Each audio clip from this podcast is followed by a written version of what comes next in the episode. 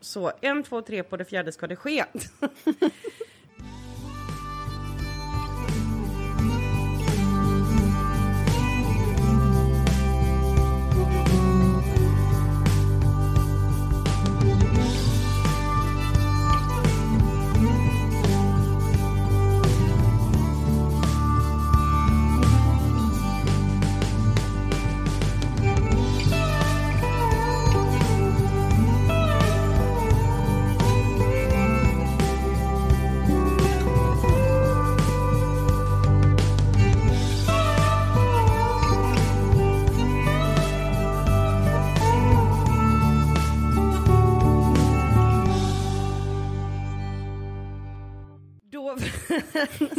Bra jobbat. Men, Bra eh, början. Ja, men precis. Då får jag säga varmt välkommen till veckans hedershagga Hanna Larsdotter. Hur är läget med dig? Tack så jättemycket. Alltså det är lite rossligt i rören faktiskt. Jag är lite hostig. Ja. Min dotter har ju börjat på förskola. Och då har Just jag det. ju hört att det ska liksom generera lite sjukdomar. Vi har klarat oss ganska Mm. bra men jag har dragit på mig en liten hosta så att jag ska försöka göra så gott jag kan. Men det känns jättekul att vara tillbaka. Ja, det är otroligt roligt att du är tillbaka. Du inledde ju eh, också förra säsongens eh, premiäravsnitt så att det är lite fint och eh, det blir lite tradition nu. Ja, jättefint avsnitt. Det var kul att höra, höra alla, allas tankar om eh, evangeliet. Ja, Mm. ja men verkligen. Eh, för de av er som inte känner till Hanna, du är ju upphovsmakaren till podden Exvangeliet som eh, i princip alla tjatar om Mm. hela tiden. The OG, först i Sverige. med att, eh, ja men med att göra en, en podd om eh, avhopperi och dekonstruktion. Ja, Jag känner mig som, en, stort. som en föredetting här. Det, men det är ju också jättekul att det händer så mycket, så mycket liksom, mm, nytt i, i den här i, i rörelsen. Eller vad man nu ska kalla det. Alltså, du, är, du är ju det, absolut sista skulle jag säga som föredetting. Det är ju, jag tjatar ju på dig oavbrutet att du ska vara med. Så det är bara att kom inte här och spela svår. Ja, äh, jag är lite svår faktiskt. Det är min specialitet. Men, men hur har veckan varit? Jag är bra, förutom att min man fick en metallflisa i ögat så vi fick sitta på akuten en dag för att han skulle ta Åh, ut den. Gud. Men med mig är det bra. Jag skyller allting. Vi har ju skjutit upp lite våra inspelningar. Jag skyller alltid på min man och mitt barn. Det är aldrig mitt fel att vi skjuter upp inspelningar. Nej men Så alltså att- det hade jag gjort 100 procent. Ja. Alltså, Man får passa på. ja, det händer ju att jag skyller på mina syskonbarn ibland bara för att komma undan det, Eller hur? Han fick ut flisan i ögat i alla fall. Ja, ja, det, vi vet inte. Han jobbar ju på verkstad så att det, Ja. på något sätt så kom det in där i, i, i hans öga. Det satt liksom fast i ögat. Ja. Otroligt obehagligt. otroligt Hemskt. obehagligt. Jag försökte muntra upp honom där. Ja, ja just det. med att det är en, det är en otroligt obögig eh, skada att få i ögat. Ja. ja, men det är kanske plåster på såren där. Jag vet inte. Mm. Nej, men det, det, det, jag bara liksom fantiserade om alla mat, liksom verktyg som man skulle använda för att få ut den här Ja, lilla metallbiten. Alltså doktorn, liksom, vad han skulle ja men hur fick hon. de ut den? Skar Ja, de? Alltså, ja, de- ögat också? Åh. Ja, jag vill inte veta. Men det, det, och så var man tvungen att liksom peta bort lite rost som hade Ja. fastnat där. Och det var tydligen det som var det Ja. jobbigaste, att det skulle liksom gnuggas lite Gud vad hemskt. efterhand. Ja. Men det, det gick bra. Det gick bra. Han, han återhämtar sig. Ja, jag funderar på om jag ska göra en sån här, eh, eh, tänker spellista eh, till honom nu när han sitter hemma med sin sjukt eh, eh, maskulina skada. Mm. För jag tänker ju lite att eh, en whisky på det här eh, och sen så en spellista med ZZ Top och Foghat så är det ju liksom en millimeter från, från att vara med i ett motorcykelgäng. Ja, ja men det, det, det är ju inte han- ZZ Top är ju inte riktigt hans musik, men det kanske det kanske blir det nu. Men det inte. kan bli. Jag håller en... jag, jag, ska, jag ska göra det. Jag ska göra en lista med bara så här supermacho låtar. Så han kan få sitta där och känna sig... Ja, hålla i en skiftnyckel och känna sig så, så urman. Det är bra. Hur har du haft det då? Eh, I jo, veckan? nej men den här veckan har... ehm, nej men det, det har faktiskt va- varit bra. Jag har ju haft en sån här eh, månad med bara typ barnsjukdomar. Eh, jag har haft Du är med. magknip. har jag haft. Åh. Och, så, och torrhosta och tappa rösten. Så jag har liksom... Mm. Jag har känt mig som att jag har gått runt med eh, kolik och krupp. Men du är lite på tappade- samma nivå Ja. där du och jag. Ja. Men det, och det, då hör ju till saken att eh, nu har ju jag ett tips till dig medicinmässigt Mm. om den här torrhostan eh, som, som du har fortsätter. Mm. För jag, när jag hade tappat rösten Mm. eh, det, det bästa är det alltid det här co- cochleana eller vad det heter. Den Mm. Det har jag hostmedicinen. fått. Det har jag fått idag. Ja. Drömmen. Men på apoteket så kan man alltså köpa en, jag kommer inte ihåg vad den heter, men det är alltså en sugtablett som är Mm. det vidrigaste jag har testat. Absolut, hela mitt liv. Effektivt som satan. Mhm. Men alltså, det, tänk dig vidrigheten att du stoppar in den här sugtabletten i munnen och den genererar genast värme. Oh.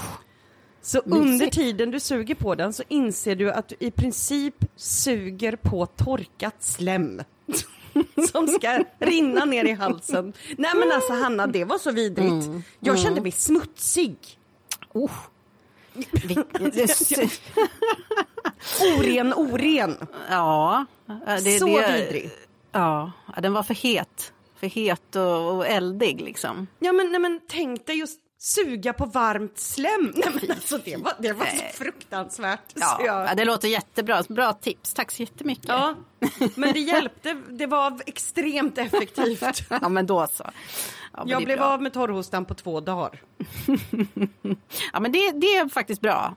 Jag ska, Mm. jag, kanske, du kanske inte vill göra reklam för vad den heter. Jag tar, jag skickar ett sms sen. Ja, men, men, men, jag, kan, jag kan hitta det, men jag, har så mycket, jag sitter fast bland så mycket sladdar här vid mitt bord så jag vågar inte röra mig. Jag förstår.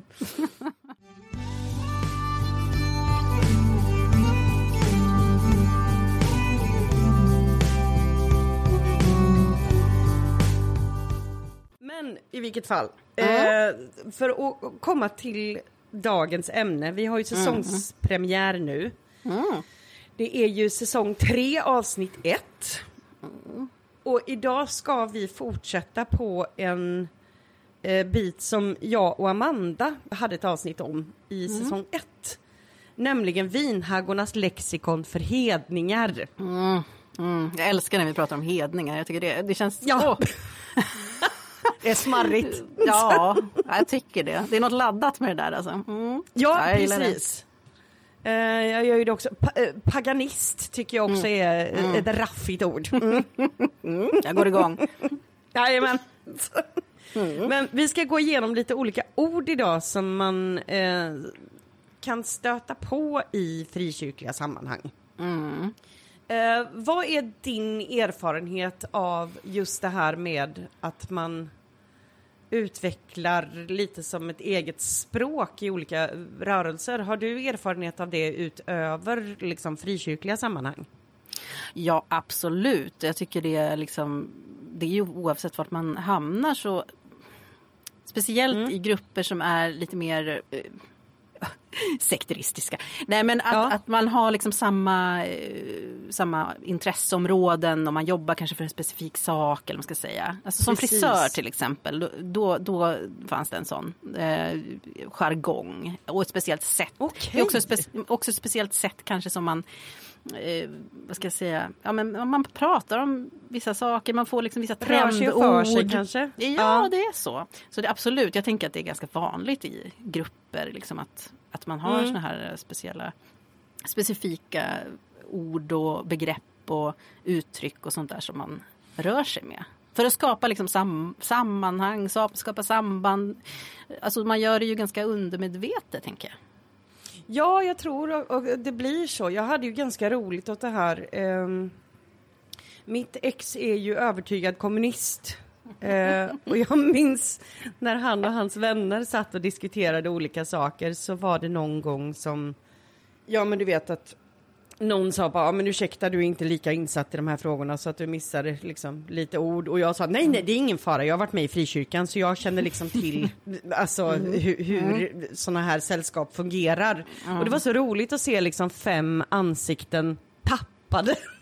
jag kunde liksom inte ha jämfört dem med någonting värre än, än liksom Ja frikyrkliga. men precis, eller hur? Ja, fy på dig. Det är lite som när frikyrkan kallar någon för kommunist. Liksom. Det är ju oh, det, är ju det hemskaste, hemskaste man kan vara.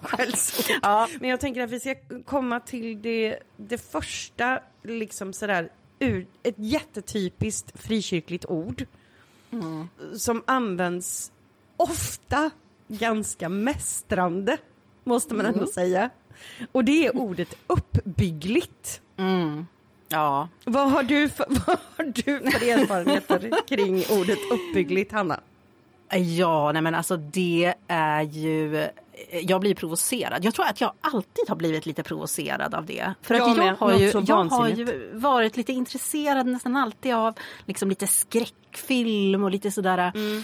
du vet sådana där lite spännande saker så. så jag, jag är ju en sån som gillad Ja, det makabra. Det, som, Mm. Även när jag var kristen så, så hade jag liksom alltid en liten eh, Ja, en liten dragning åt det där. Ja, Kanske ja, ja. därför jag föll av, föll där till slut. Nej, men. Nej, men så att jag, jag, jag tyckte alltid det där skavde lite grann det där med att, för det var ju mycket liksom, jag, jag vet att det var någon som gjorde något inlägg på, på Facebook någon gång om halloween och, och det är inte uppbyggligt och hur kan vi låta barnen klä ut sig till, eh, liksom, ja du fattar, änglar Ja, ja, ja. och demoner. att. Änglar, alla skulle, det var ju det, alla skulle klä ut sig till änglar istället för demoner. Så det, herregud, det var det så okej. Men det är inte uppbyggligt liksom.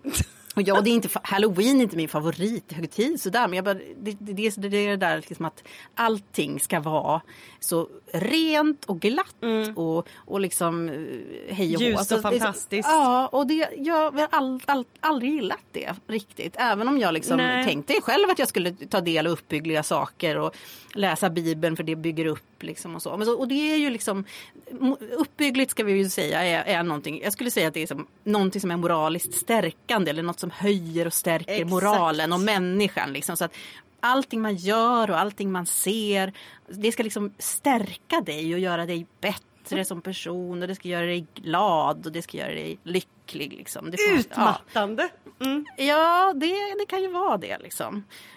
Så att jag, jag, det var ju någon som eh, pratade här nyligen också om att det fanns till och med en, en något som heter Pureflix. Alltså istället för Netflix så heter Ja! det alltså Pureflix. Så att, Just det. för att du ska slippa ta del då av alla de här hemska Ja. sakerna som finns på Netflix så finns det alltså en amerikansk sida då som jag förstått det som heter Pureflix. Skräll. Qua- Quality entertainment that celebrates faith, family and hometown values all at a great value.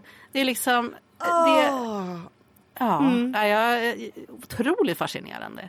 Och liksom bara stänga av allt det där äh, läskiga och hemska på något sätt.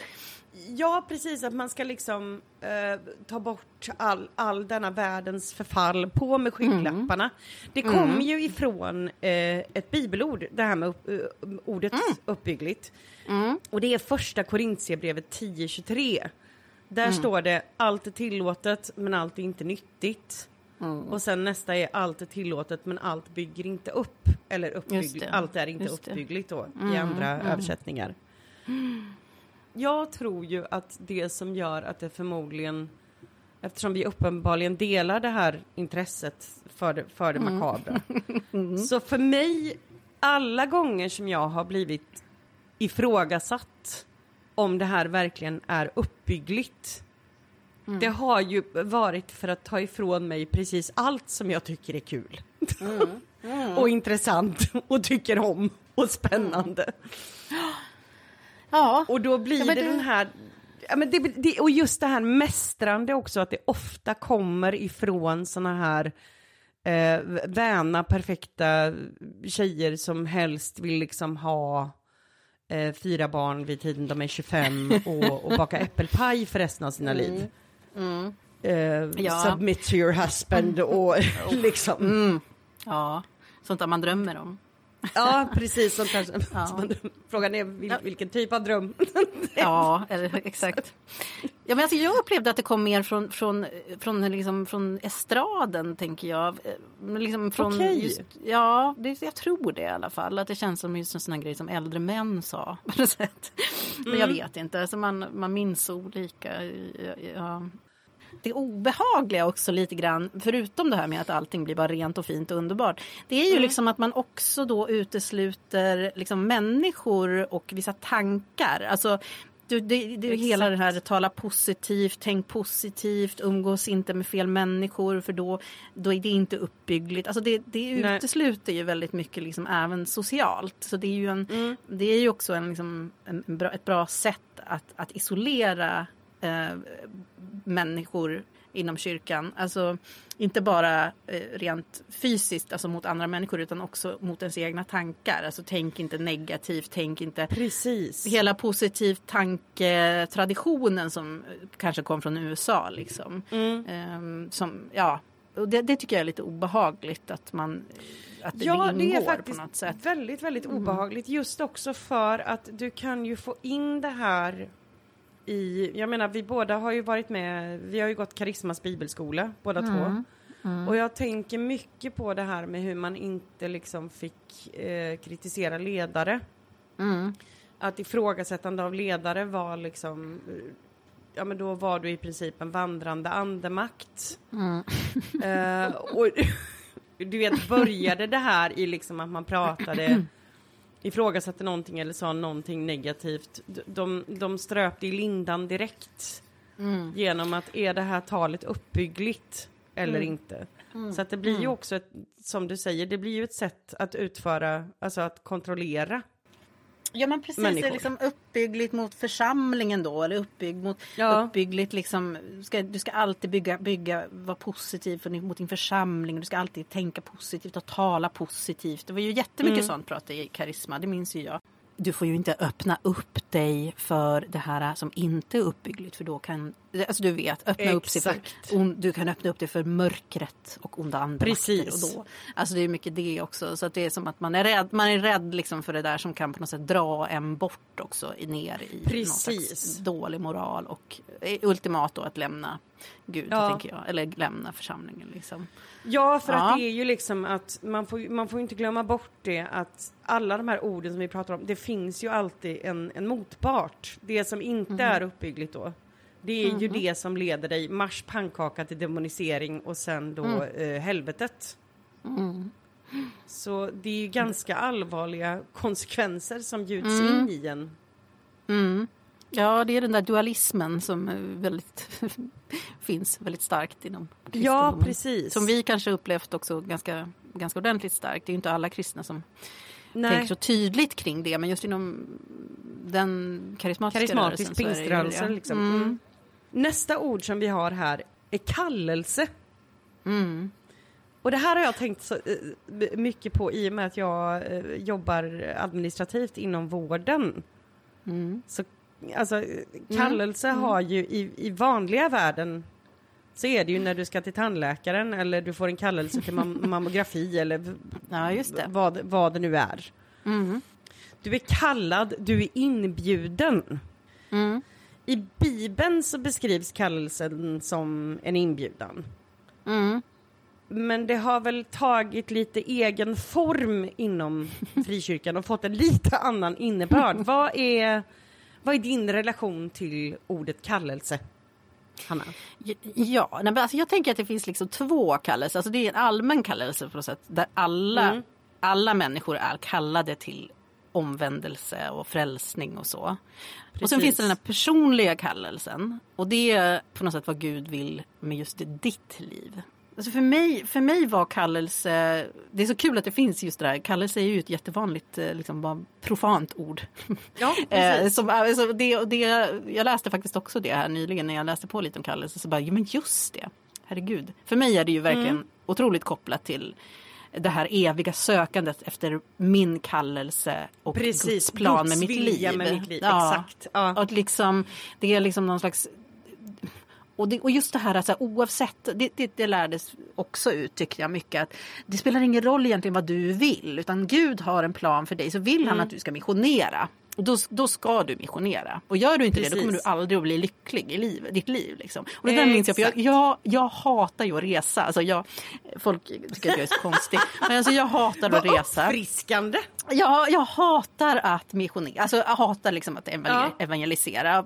Jag tycker det var pinsamt. Så Ja. båda de här grejerna var liksom så här bara nej. Jag måste ut i mission. Liksom. Ja. Åh vad hemskt. Liksom det. Men, men vill Gud det så ska jag väl göra. Och ibland kunde jag få Mm. lite så här, åh nu blev jag lite taggad. Bra, nu ska jag gå på det. Så dog det liksom. Men, men, det, men det, liksom, det ledde till så här, jag bara gick och väntade på det här. Du vet, åh Christer Brun ska komma och säga till mig, du ska flytta till Knutby. Alltså den Exakt. grejen. Liksom. Det skulle kunna ha varit för mig så här, åh någon berättar för mig vad jag ska göra med mitt liv. Ja. Alltså det, hade någon kommit och sagt någonting sånt där till mig så hade jag säkert bara, åh okej det här är Guds tal till mig. Nej, men så det leder ju liksom till bara den här eviga väntan. Ja. Att man kanske gör fel livsval, att man liksom inte tar reda på själv vad man vill göra. Liksom. För kan, du, kan du känna igen dig i, för att när jag, när jag satt och tänkte på just det här ordet kallelse så Mm. kändes det alltid, eh, jag hade ju inte direkt någon sån här eh, mild och fin syn på Gud. Nej. Utan jag, jag minns att jag tänkte honom som att om det är någonting som jag, alltså det blir nästan som, så, ja men du vet som så här Ja, en eh, tvärtom då. tanketvång. Att om det är någonting som jag verkligen, verkligen inte Mm. vill. Så är det det som jag kommer bli kallad till. Exakt, men det är precis det jag menar. Mm. Så jag minns att jag liksom nästan försökte, och jag är ju extremt överemotionell av mig. Mm, Men jag försökte verkligen träna mig själv Mm. i så många år att liksom inte ha starka känslor över Mm. någonting. Och det roligaste är att nu när jag sitter och berättar om det här, i de Mm. åren som jag höll på att träna mig i det här, det jag utvecklade istället, det var en extrem hygienfobi. Oj! Så att jag liksom höll på, ja men du vet i tre, fyra år, jag kunde inte gå barfota i liksom badrum. Jag Aha. tvättade händerna maniskt, jag liksom, alltså Alltså så Jag det var extrem. förtrycket av dina känslor tänker du kom Ja. ut så på något sätt? Vad Ja men, ja men på något sätt, jag, bara, jag, jag har inget belägg för det, jag bara kom att Nej. tänka på det nu liksom. Att Ja. Det är ändå lustigt att just de åren när jag la så mycket tankekraft på att inte liksom ha aversioner mot någonting för att jag, jag var livrädd för att bli kallad eh, som missionär.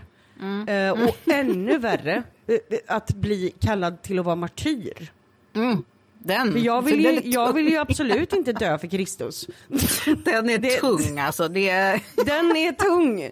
Wow. Och just, jag kommer ihåg det, att det här var ju under det hysteriska 90-talet liksom. Så att Ja. vi hade ju alltså galna predikanter som kom till våra läger från vi var liksom 13-14 år gamla.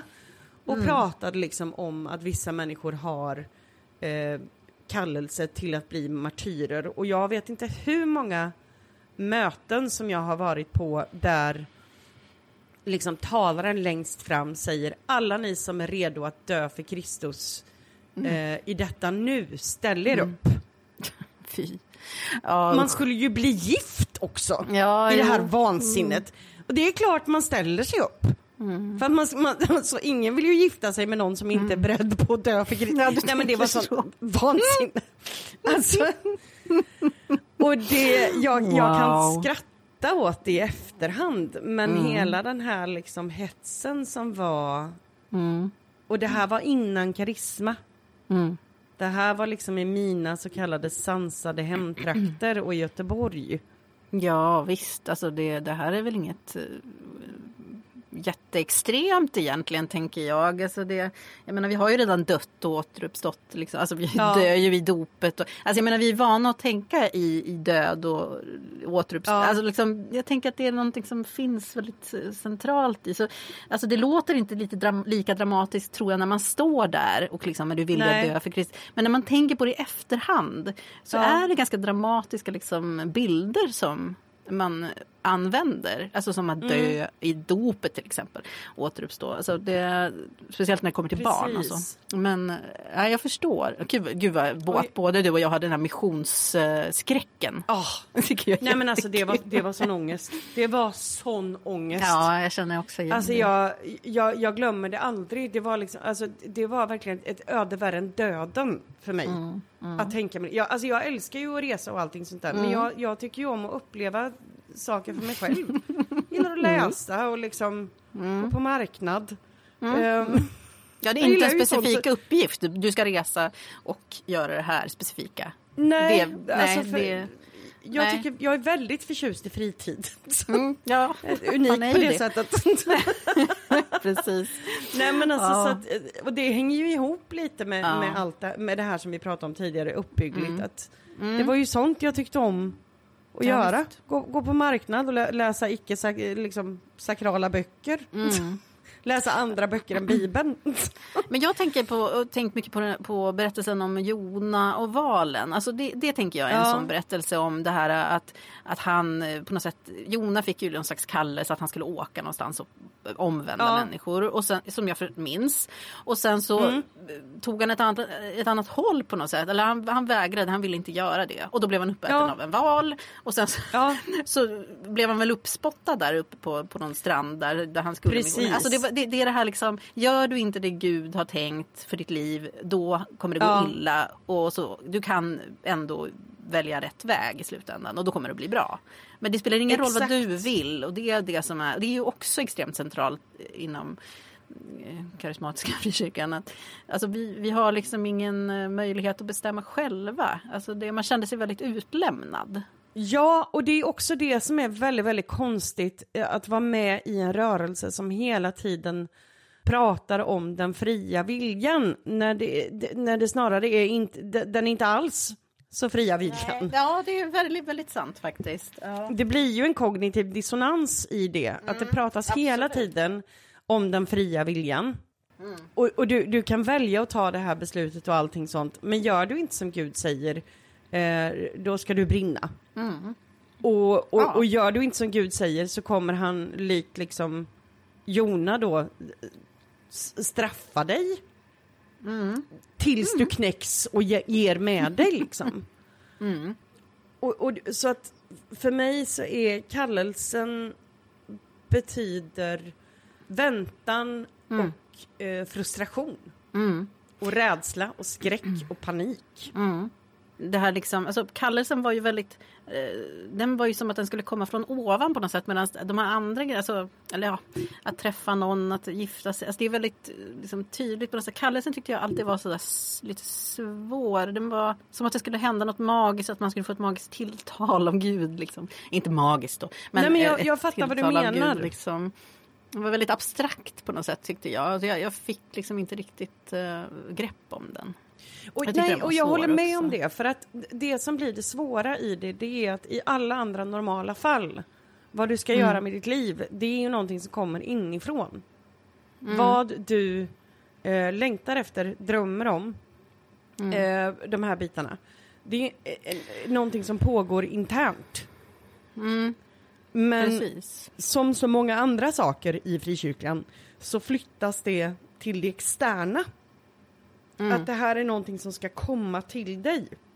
Precis. Och då får man Mm. också lära sig att om du verkligen inte vill någonting jättemycket, Mm. då kommer Gud sätta dig i den positionen för att tukta dig. Mm. Och om du vill någonting jätte- jättemycket, då kommer Gud ta det ifrån dig för att det har blivit viktigare för dig än Gud. Mm. Så att det är det är ju inte konstigt att man alltså, har för, förvandlats till världens ängsligaste person. Jag blir svettig bara jag sätter mig in i det här. Ja, ja, men alltså vi har ju blivit, vi, vi lärde oss ju liksom att, att utplåna oss själva på något sätt. Ja. Och samtidigt så ska man hitta den här kallelsen som är på något Ja. sätt också ska vara, jag vet inte, det ska, det ska vara en del av en själv men man vet inte vad en, del, man vet inte vad en själv är och det är väldigt förvirrande faktiskt. Usch. Nej men det, ja, jag känner igen mig jättemycket i det du pratar om så att det, Ja, Eh, Man blir bakbunden på något sätt. Exakt. Det, mm, Apropå att bli bakbunden, det är så himla roligt att du säger det. För att en sak som jag har eh, skrivit upp här. det kanske känns som att det kan bli snaskigt. Nej, Ja precis. Nej, men angående just eh, kallelsen. Mm. Det är, det, det står, det finns ju ett uttryck som heter, em, eller inte uttryck, det är ett bibelord, Mm. men, men det används liksom som uttryck där Jesus säger många är kallade men få är utvalda. Mm. Och då är det ju så roligt för att det här är en liknelse om en bröllopsfest. Mhm. Där en kung ska gifta bort sin son. Mm. Skickar ut massa inbjudningar. Mm. Ingen vill komma. Mm. Jesus säger att eh, himmelriket är som eh, den här liksom, bröllopsfesten. Mhm. Så när ingen vill komma så skickar han ut sina tjänare eh, på nytt. Och liksom försöker tvinga dit människor. Mm. Men de, de återgår till sitt, Mm. till sitt liksom. För, för de har ingen, inget intresse. Mm. Eh, och då står det att kungen blir rasande och säger åt sina tjänare att gå ut till vägskälen och bjuda in människor. En liten detalj här. eh, det kan vi läsa i, i, slutet innan det är det här många, många är kallade men få är utvalda. Då står det att när, när tjänarna har samlat ihop alla som de träffade på och fyllt bröllopssalen då med gäster så står det i Matteus 22.11 När kungen kom in för att se sina gäster upptäckte han en man som inte var klädd i bröllopskläder. Han sa, min vän, hur kan du vara här utan att ha bröllopskläder på dig? Mannen teg.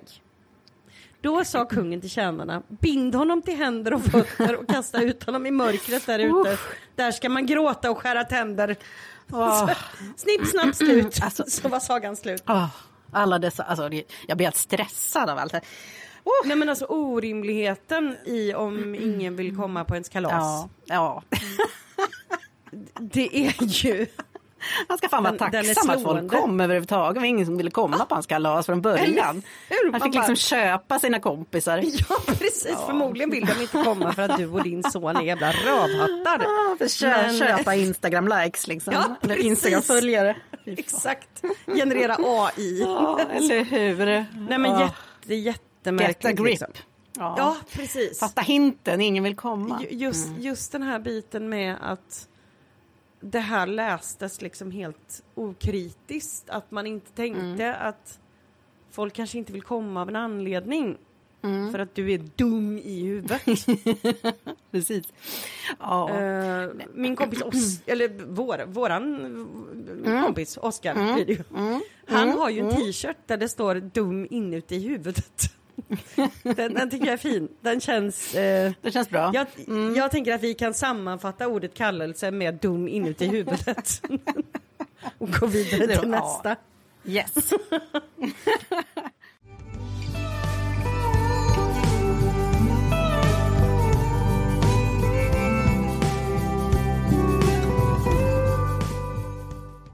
Men eh, nästa ord som vi går vidare till då, det är ju någonting som jag och Amanda har nämnt i ett av de tidigare avsnitten om bibelskolor. Men eh, tänkte att vi kan återbesöka det lite. Och det är ju eh, ordet böneduk. Mm. Vad Ja, har jag du för relation Jag till det ordet? Ja, men alltså, jag älskar det. för det- är ju någonting lite så här magiskt över det här med böneduk. Mm. Och det tycker jag är lite spännande.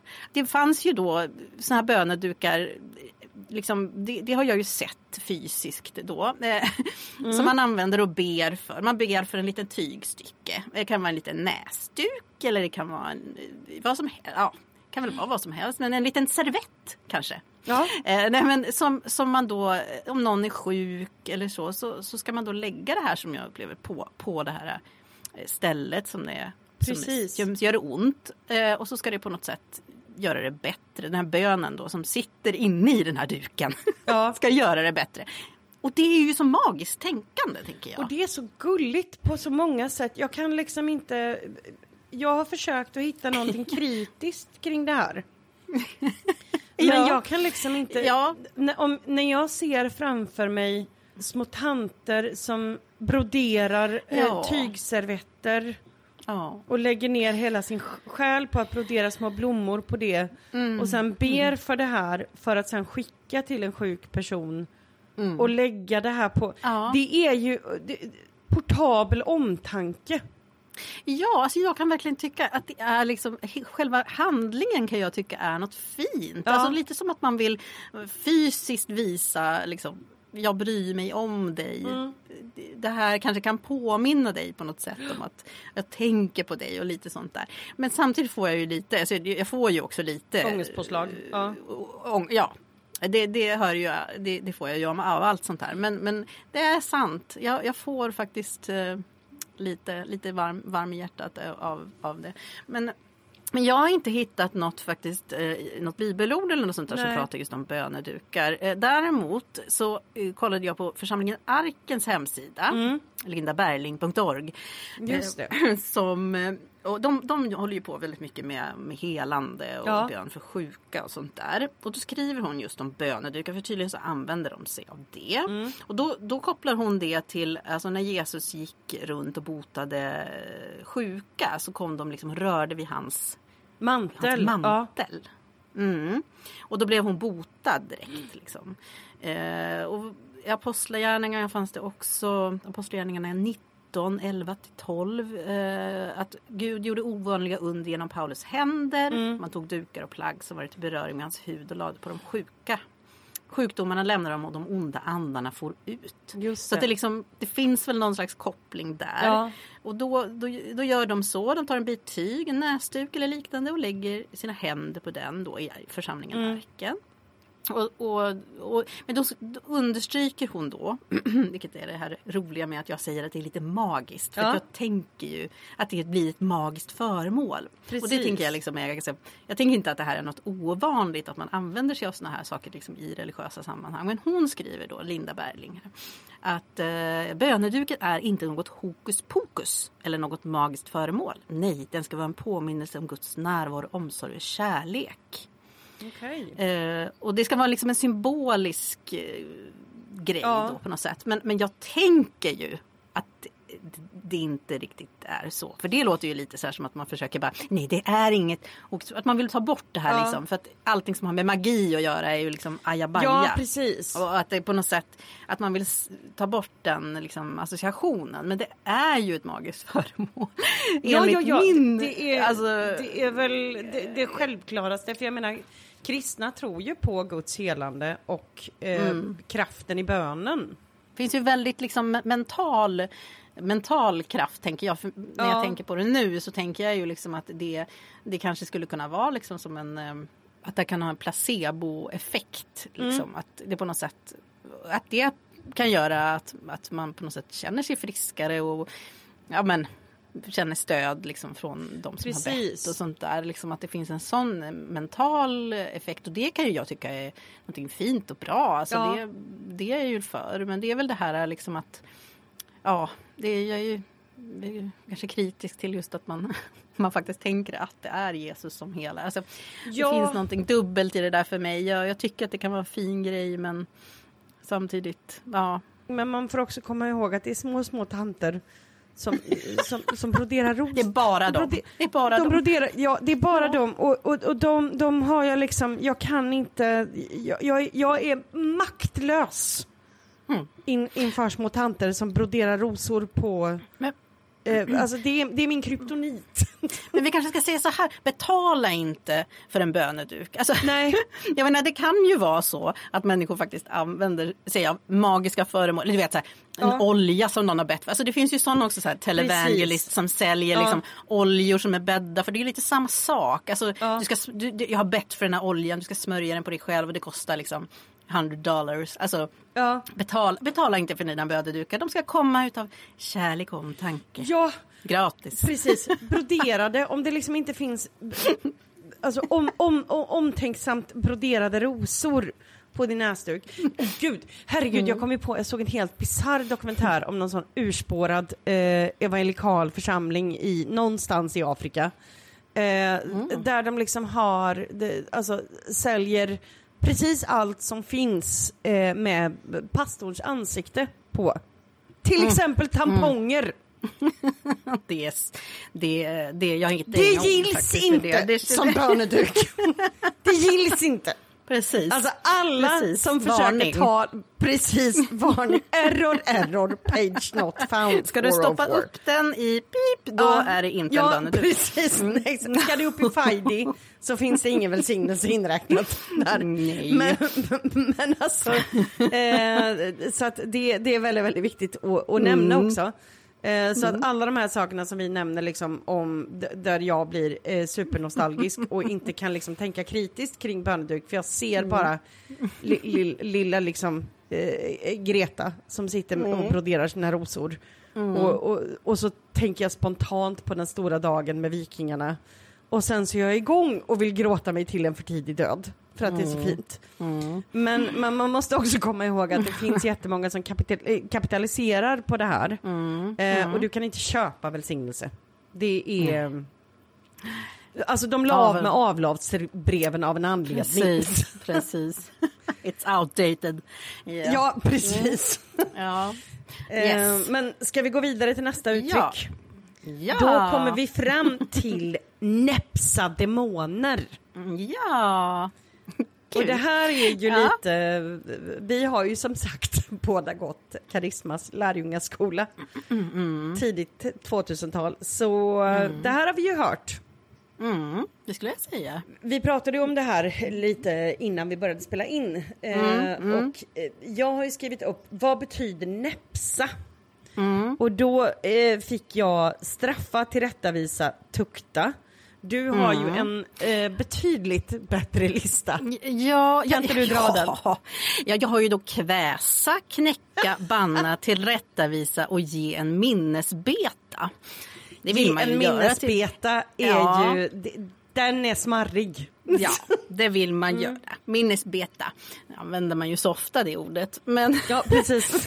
ja, demonerna. Du fick ju också med alla ord som ingen, ingen annan kan. Nej, Kväsa. precis kväsa. Ja, men näpsa, det är som kväsa ungefär. Precis. Ja, tack, herregud. tack för hjälpen. Ja, hej då. Ja. När det begav sig eh, så var det ju en hel del demonologi som pågick. Herregud, vi hade ju, när vi gick bibelskola så hade vi ju till och med som ämne andlig krigföring. Ja, just det. Det är viktigt. Det är viktigt. Det, det är viktigt. Och då fanns det liksom olika sätt som man skulle då, det, det var, jag kommer ihåg några saker. Vad det var att spännande. eh, all, alla såna här böneledare, läs Mattias Lekardal och, och Sven Almqvist, de pratade ju hela tiden om att näpsa demoner, binda demoner, Just det. kasta ut och bryta bojor. Kommer du ihåg det här? Alltså det låter väldigt bekant. Det låter absolut som att jag har hört det. Jag har inte några anteckningar kvar från den här eh, tiden, tyvärr. tyvärr. Men eh, det låter väldigt bekant. Den ordningen liksom. Mm. Så som att näpsa demoner används. Det är att det står eh, i detta fall då till exempel en, en eh, liten krum predikant. Eh, vi kan kalla honom för eh, Mattias Lekardal, för det heter han. Eh, med fingret upp i luften. som skriker i en mikrofon att vi näpser dig du demon över det här och det här och det här. Det kan vara liksom allt ifrån Rinkeby till, eh, jag vet inte, din bänkgranne. Och just den här saken att vi näpser dig eh, med, med liksom pekfingret upp i luften. Det, det, det användes väldigt, väldigt ofta. Och nu då när vi har kollat igenom det här liksom vad, ja men du vet, allting som näpsa betyder så Ja, men det är väl lite som att liksom säga fy, eller liksom att man säger tyst. ja, Tyst. Ja. Tillbaka. Oh, Käften, så, hora. Liksom. Käften. Exakt. Nej, ja.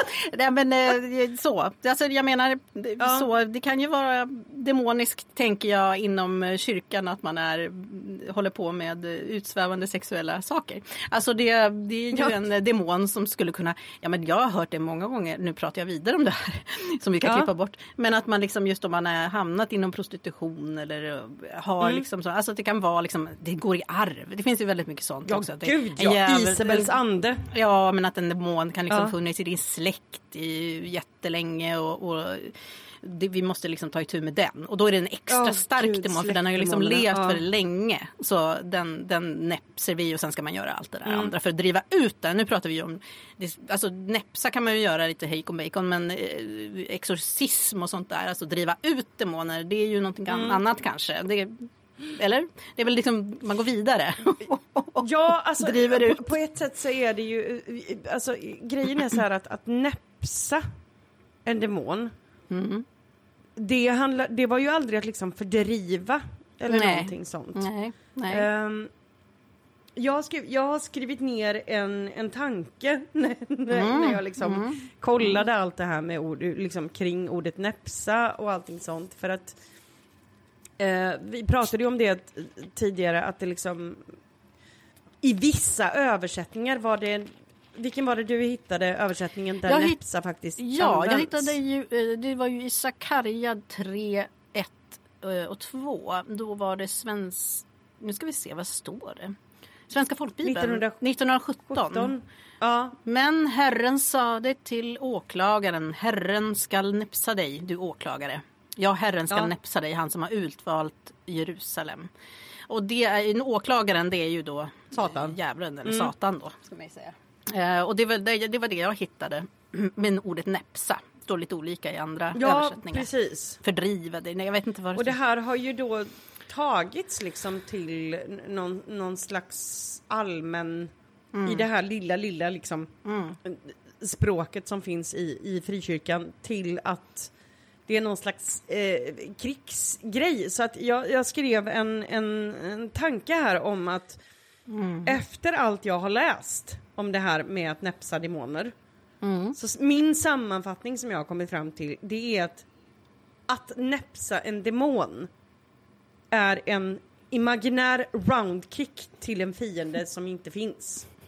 Ja.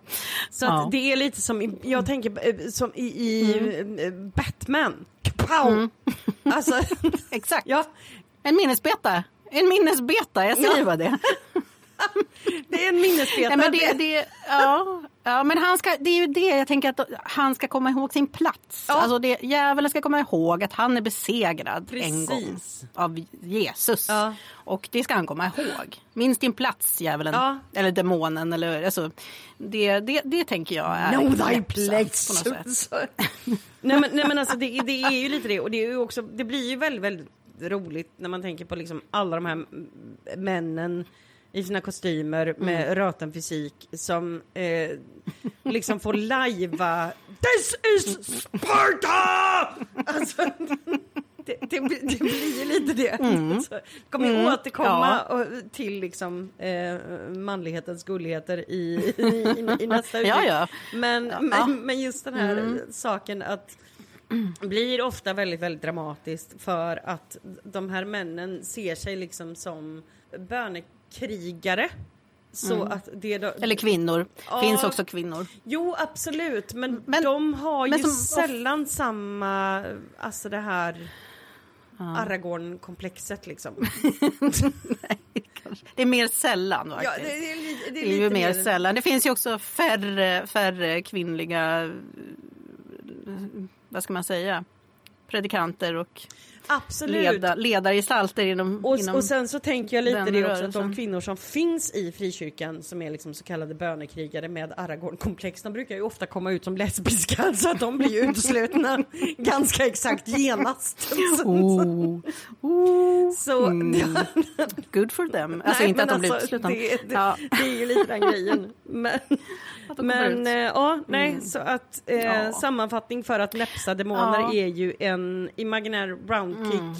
eller eh, läderlappens eh, kapow mot Mm, bra en eh, fiende som, som inte finns. Eventuellt inte finns. Ja, nej. Ja, jag tror inte att han finns men det är vår Nej, tolkning. men ehm, Det, det är bra. Nu är det vi, nu är det vi som bestämmer.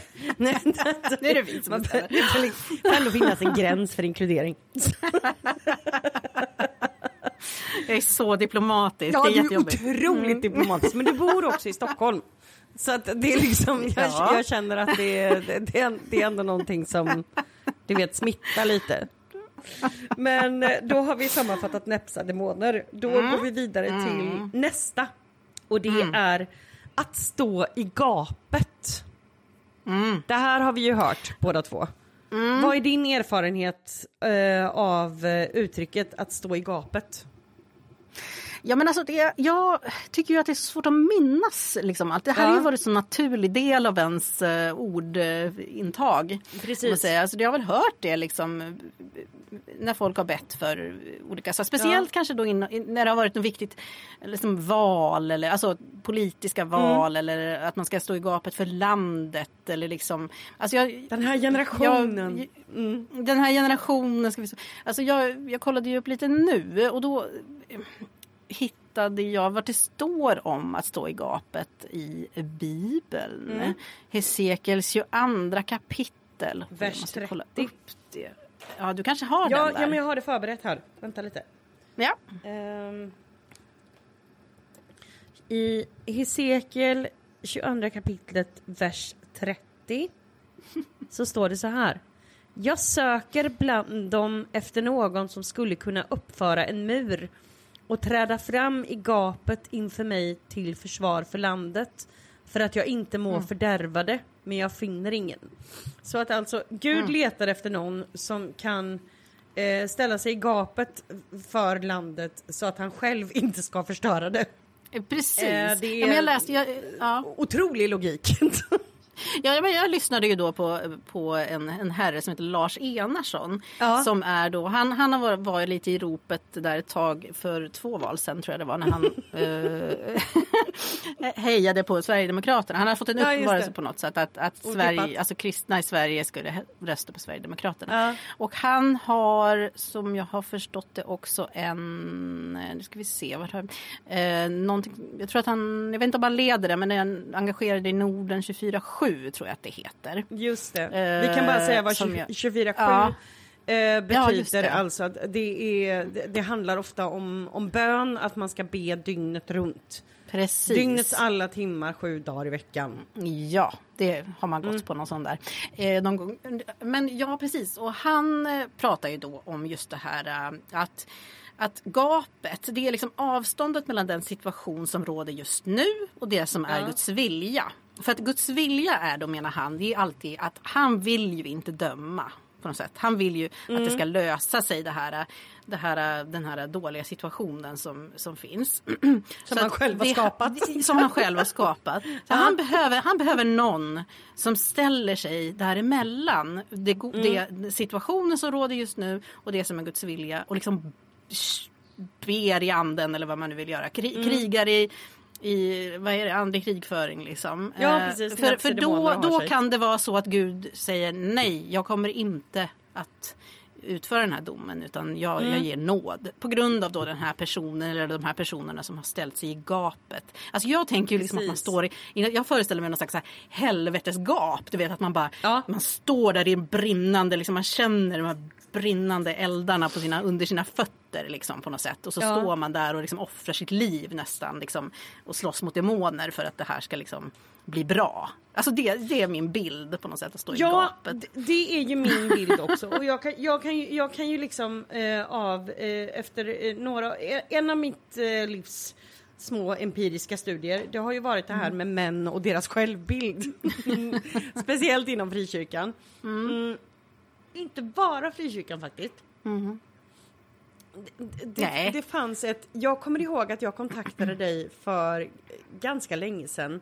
Eh, men då hade inte du tid att spela in. Men det var att jag ville göra ett avsnitt om eh, en dokumentär som låg på SVT och som handlade om frihetsrörelsen.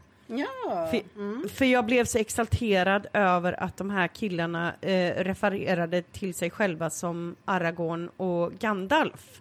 Mm.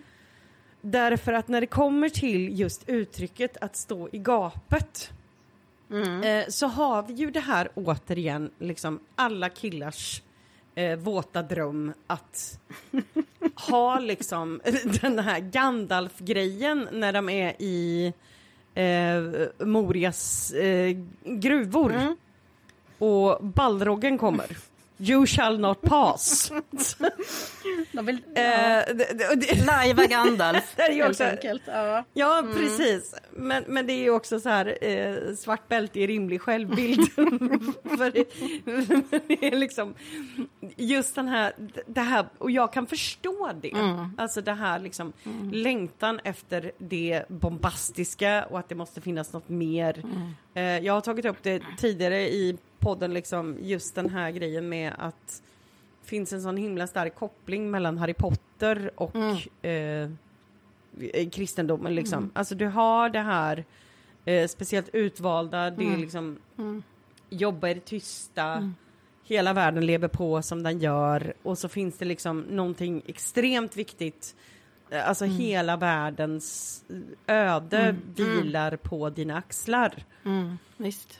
Och just den här, det är den bästa bilden. Det finns ingen bättre förklaring på uttrycket att stå i gapet än när Gandalf möter Balroggen och drar ner sin eh, stav är och vad bra. det nu är han har Ja, ja och säger bra. you shall not pass. Yes. Och sen då blir neddragen med för att, med, för att det, det är ju alltid det här du vet dramatiska att man ska offra sig Mm. i tid och otid. Poängen är att det här händer ju inte i verkligheten. det är ju det som är Nej. saken. Att liksom, Det är skittråkigt. Det hade ju varit Det är ju kul. pisstråkigt. Jag hade ju så mycket hellre levt i eh, liksom någon form av eh, fantasivärld där, där sånt här pågår. Ehm, men, men nu gör det ju inte det. Utan vi är ju fortfarande liksom administratörer, ingenjörer, städare som, som får liksom eh, vakna med väckarklockan, försöka äta en, en frukost fast man inte vill och åka till jobbet. Och, och vad man nu väljer att göra på sin fritid. Men, men just den här grejen att Alltså, det ger ju en liten krydda på något sätt. Både det här att tänka att det faktiskt finns det här, liksom, det här gapet, helvetesgapet Ja. som man på något sätt ska you, shall not, you shall not pass stå där liksom. Men också att, att man på något sätt tillskriver sig själv en väldigt stor betydelse. Alltså det, Oh ja. det är ju meningsbyggnad på något sätt. Meningsbyggnad. Det, är ju, det ger ju mening till ens liv. ja. Och det, det som jag kan tänka är liksom där det faktiskt får eh, alltså faktiska konsekvenser i alltså verkligheten. Då kan vi titta på för att just den här biten med att stå i gapet, det här uttrycket, det står ju i direkt korrelation till hur Hillsong sätter sina löner. Mhm. Berätta mer. Därför att tittar man på liksom hur eh, pastorer i Hillsong jobbar, det är, de gör ju i princip ingenting själva. Mm. De har assistenter för precis allt. Allt från att ta hand om barn, de har valet parking, det är liksom människor som hämtar deras lunch. Alltså, de får allting serverat precis hela tiden, jämt och ständigt. Mm. De kanske dyker upp i någon podd. Eller predikar. Eller har en Om egen de skriver podd. det själva, inte vet jag. Eller du vet, skriver krönikor som jag kan gissa är liksom lite ansträngande för dagens personal. Men du, men du menar att... tidningen Dagens personal Ja, ja, du tänker så. att, eh, att redigera. ja. Men, men liksom, det är, det är fortfarande assistenter till precis allt. Och du tänker att de har fullt upp med att stå i gapet? Pastorerna? Därför att teologin i Hillsongförsamlingen är att om du står i gapet för någon Mm. så är det liksom, det är ditt, ditt största och viktigaste jobb. Mm. Och då ska inte du bli störd med att hålla på med världsliga ting. Mm. För att du står i gapet. Mm. Vilket betyder att det är en bizarr lönesättning som eh, är 100% reglerad av en hittepå-teologi. Vem som står mest i gapet då? Exakt. För Ja. ingen av oss är Gandalf. Nej. Så att det kan man väl sammanfatta det hela med liksom.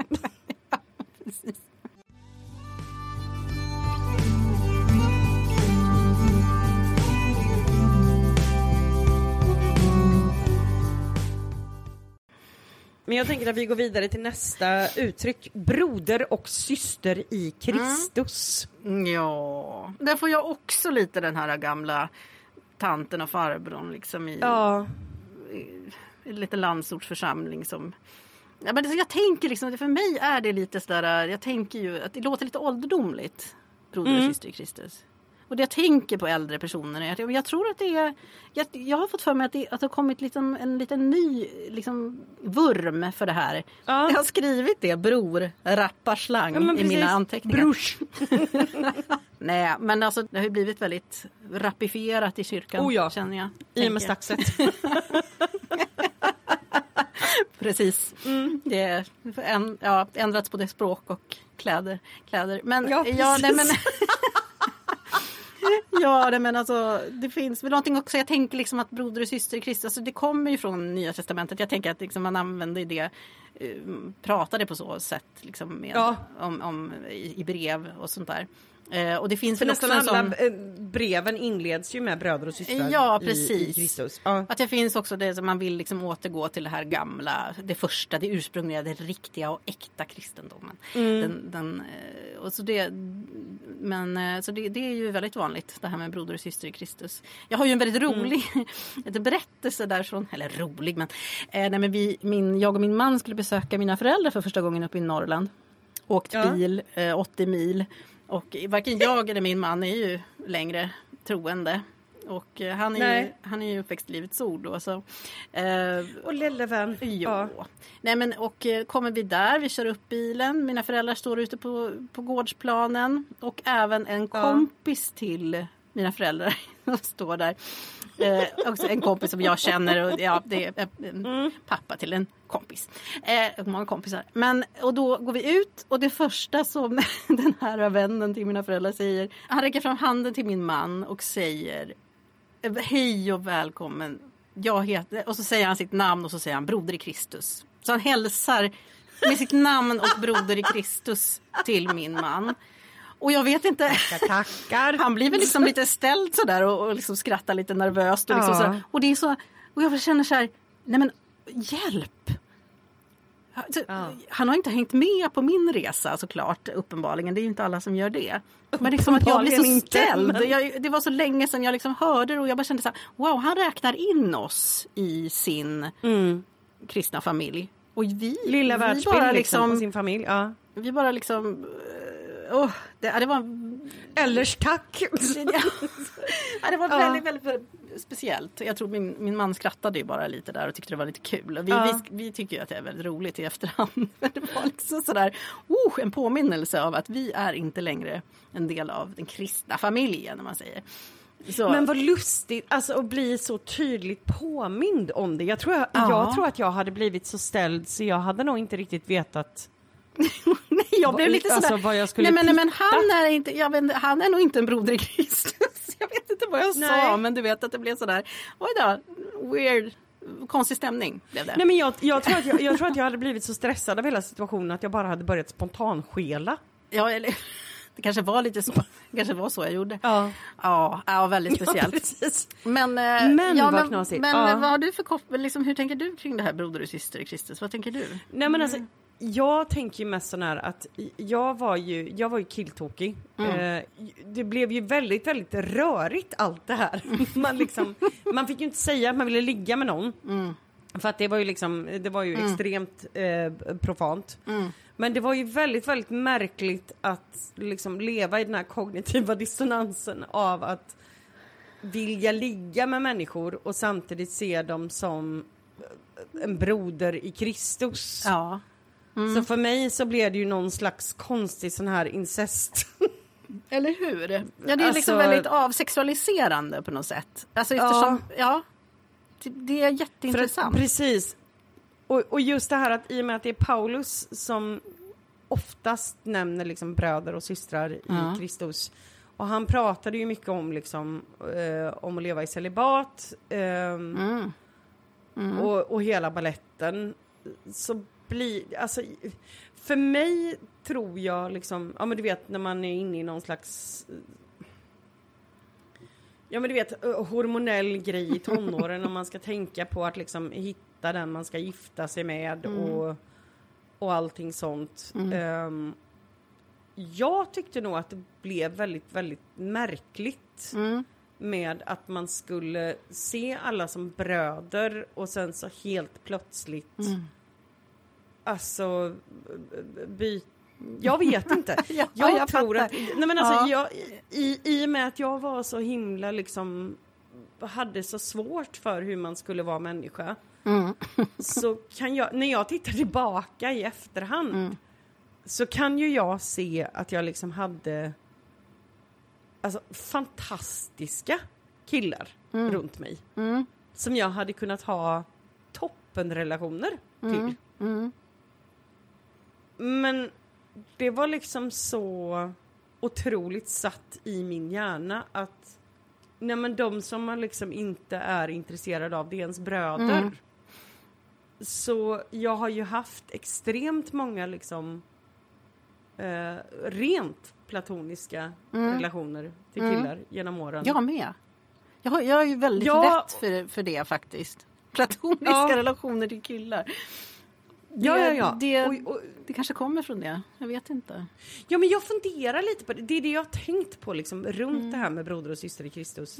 Just för att när jag tittar tillbaka så har jag liksom haft nej men, otroligt nära relationer med människor som har förstått mig. Jag har förstått dem. Jag har liksom rest med dem. Jag har delat liksom så himla många delar i livet. Det har varit min trygghet. Men det var liksom min broder i Kristus. Så att alltså möjligheten för någonting annat, det fanns liksom inte på kartan för mig. Nej. Utan det var liksom tvunget att komma in någon, någon helt ny... Jag har tänkt mycket på de här Mm. bitarna liksom, inte för att jag tror att jag liksom hade, du vet, kunnat bibehålla en relation, Mm. alltså tills nu liksom, Mm. genom Mm. livet. Men jag har ändå funderat mycket på det här, Mm. alltså alla otroliga människor man hade runt sig Mm.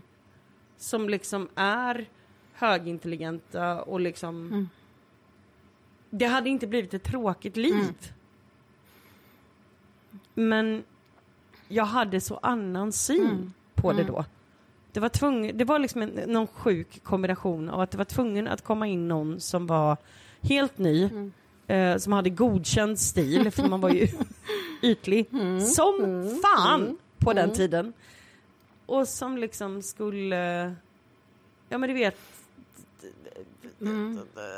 medföra någonting. Jag, jag vet inte. Alltså, vad tänker du kring Ja, det var så jag tänker på det efter, på tal om det du berättade att, att jag, det, är ju, det blir ju en Mm. väldigt avsexualiserad värld där bland, bland och det är ju jättefint att man skapar liksom vänner på en viss nivå som är verkligen vänskaps... Alltså det, Mm. det tas ju bort mycket spänningar eller vad man ska säga från alltså den, just den Ja. sexuella spänningen mellan tonåringar då kan man säga. Det är väl där man är kanske i den Precis. och det är ju inte så konstigt och det här kan säkert ha, ha, ha att göra med det. Alltså just Mm. bruket av broder och syster i Kristus när man inte använder det. Men, men, men man ser ju sig själv som en, en del av en större familj. Alltså, man är ju Guds familj. Mm. Och jag, jag läste ju en jätte, jätteintressant bok för något år sedan. Som, ja, Just det. Mm. och det, det, jag kommer dra en liten, alltså läs den här boken, den är jättespännande. Den heter Alpha God. Och det är skrivet Alpha Alpha God. God skriven Mm. av Hector A. Garcia. Och han är Ja. psykolog, eller clinical psychologist. Jag vet inte exakt vad översättningen är där. Det, det känns som att det är lite, lite, lite högre nivå där. Eh, men han hade i alla fall skrivit den här Ja. och han använder sig av evolutionär psykologi. För att förklara Okej. religiöst våld och förtryck. Och han eh, Spännande. Ja, jättespännande. Han undersöker religiösa skrifter, ritualer, religiösa lagar och, och hur det evol- evolutionära arvet som vi har har format utvecklingen av religion. Och så, alltså hur det fortfarande gör det. Ja. Och den här boken den fokuserar på bilden av Gud som en dominant man. Nu blir du glad. Ja.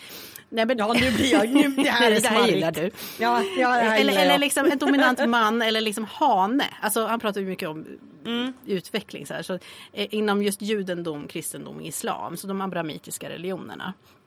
Och Precis. det traditionella då, gudskonceptet inom de här religionerna det, det ses i den här boken som en reflektion av den dominanta apan.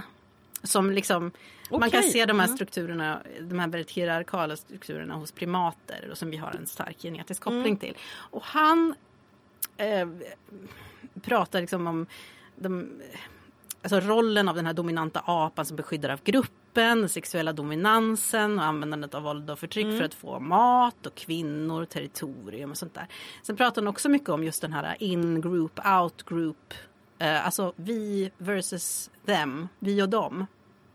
Eh, Okej. och, och, eh, där pratar han mycket om just hur följare inom många religiösa rörelser kallas just för bröder och systrar Mm. av samma pappa. Just för att vi som eh, evolutionära varelser är vi, Ja. vi, vi har en tendens att skapa de här in, innegrupperna eh, för att vi tyr oss till dem eh, som är familj. Vi är mer troliga att rädda vår familj om, eh, från ett brinnande hus än om vi skulle rädda Just någon det. annan. Mm. Vi är mer vi är mer troligt att vi, vi räddar dem som liknar oss själva mest, alltså rent fysiskt. Liksom.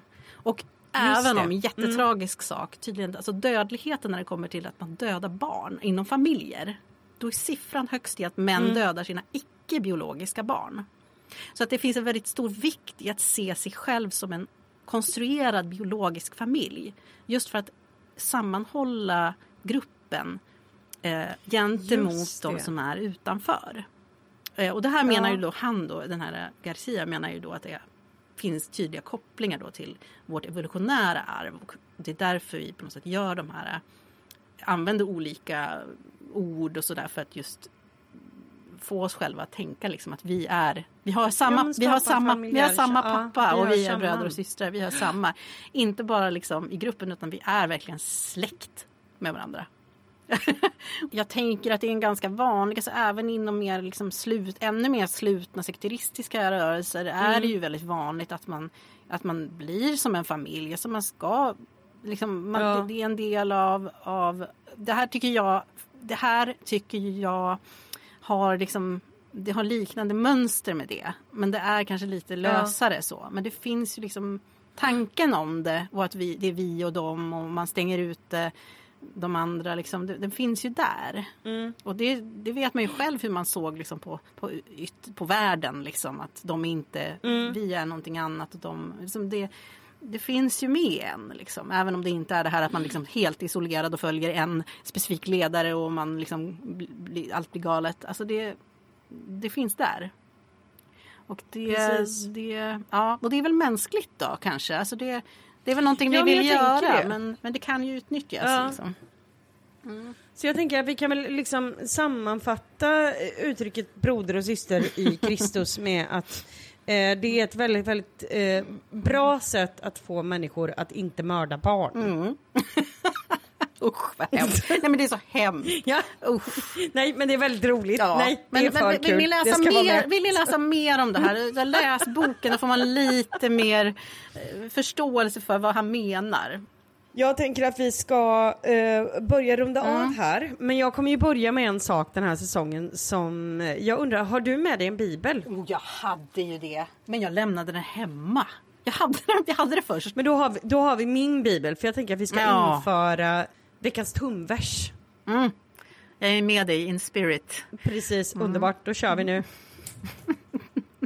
Jerobeams, Israels kung, 27 regeringsår blev Asarja, Ama Amasjas son, kung i Juda. Tänker jag att alla kan ta med sig och fundera lite på vad det betyder för just dig. I Och din, jag, kände, jag kände det gick rakt in i i, hjärtat. i din situation i livet. och sen så får jag väl säga Djupt. Jävligt djupt. Sen får jag säga tusen, tusen tack Hanna Larsdotter för att du var med och gästade. Det var precis så toppen som jag visste att det skulle bli. Mm. Tack. Eh, du är alltid, alltid, alltid eh, välkommen tillbaka när som helst. Tack, det ska jag komma ihåg. Gör det. Kanske jag utnyttjar.